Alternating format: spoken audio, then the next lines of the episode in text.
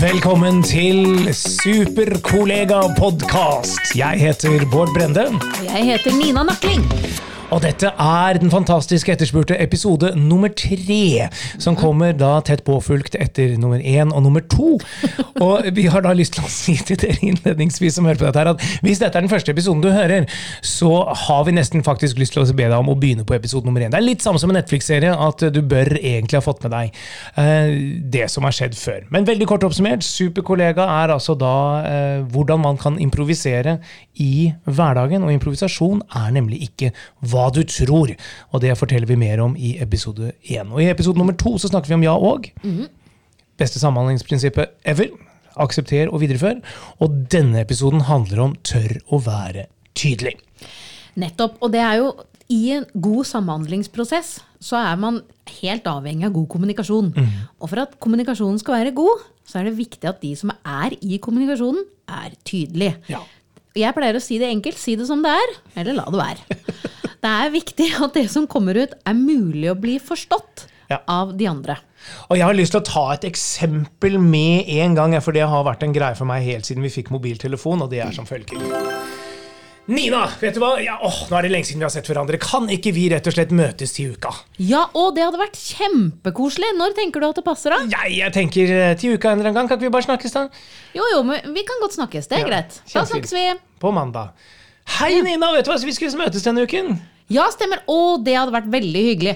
Det passer meg sånn litt uti uka. Ja, men da snakkes vi litt uti uka. Hei, Nina! Nå er det litt uti uka. Skal vi møtes?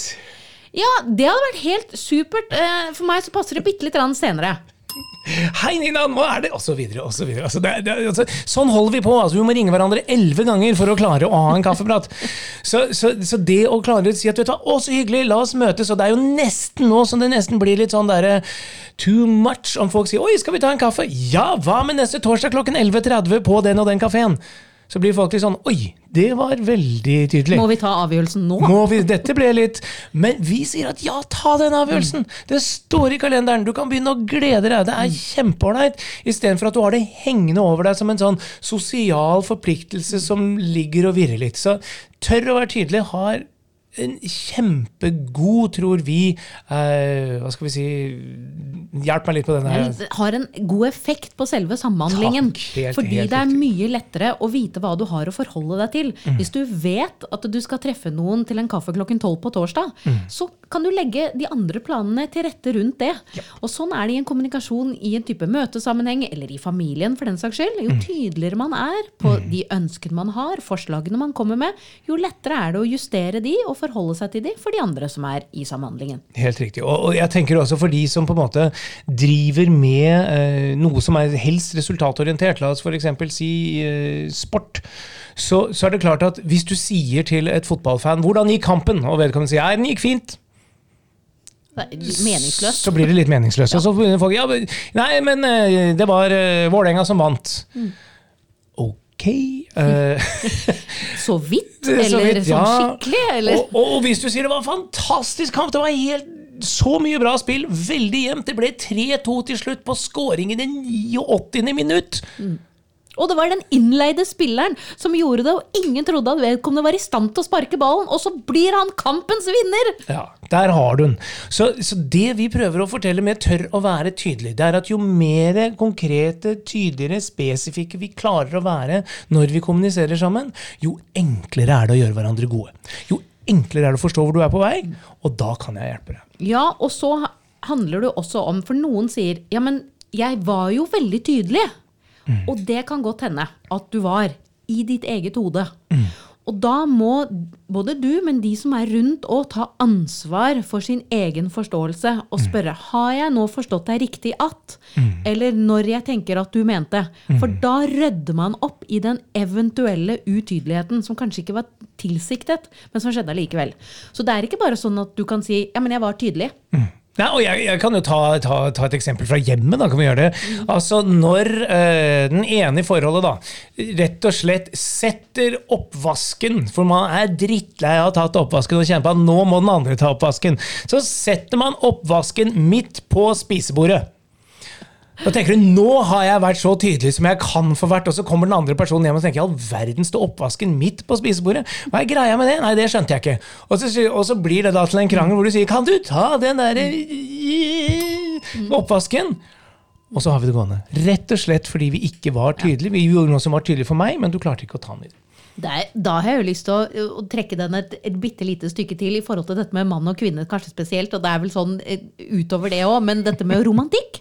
Det er jo Noen, noen damer sier du elskling, jeg kunne godt tenke meg at du var litt mer romantisk. Ja, jeg vil gjerne ha litt mer romantikk. Og så tenker mannen at det skal jeg jaggu meg få til. Nå skal jeg få romantikk. Og det her, det snør. Det laver ned. Så dagen etterpå så står han opp fem over seks ut og måker oppkjørselen. Den er nå altså feid for snø. Og da kona er klar, påkledd og skal på jobben, så er det altså fiks ferdig måkt oppkjørsel. Og han er så fornøyd. Og kona drar like sur på jobb, kommer hjem fortsatt sur, fordi hvor er blomstene? Så eh, hvis du ønsker deg blomster, si det. det. Det er faktisk veldig, veldig Så det her i kjærlighetsspråket, det er altså, nei, men altså Det vi prøver å si her, er at tydelighet er ikke altså Hva som er tydelig, er ikke opp til deg som avsender å bestemme.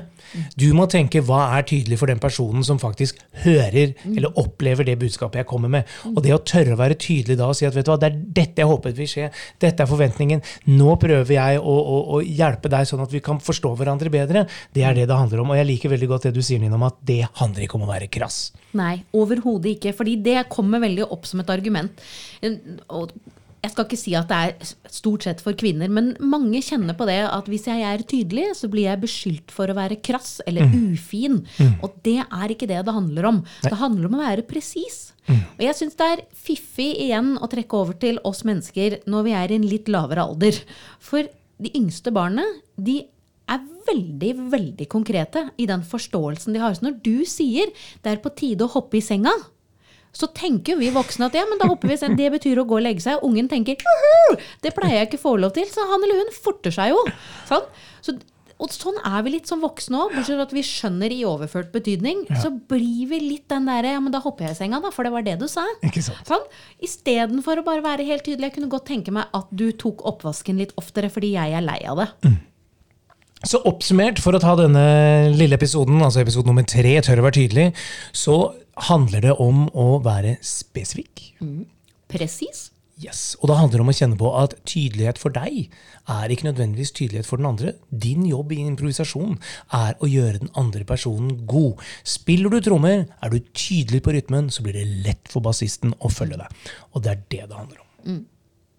Neste episode i uh, Superkollega, det er episode nummer fire. Og siden manuset mitt nå da er nesten til stede, kan du telle til tre, så kommer den. Én, to, tre. Dette her var nesten litt flaut. Jeg håper at de som hører helt på tampen av episoden, så er det, det er ikke din jobb å være kreativ. Nå var du ganske kreativ. Ja, jeg prøvde å, å prate på, på luft. Det, det gikk til en viss grad. Folkens, tusen hjertelig takk for at du har hørt på episode nummer tre. Neste episode handler om at det er ikke din jobb å være kreativ. Og i all verden kan det ha noe med improvisasjon å gjøre? Det avslører vi i neste episode. Tusen hjertelig!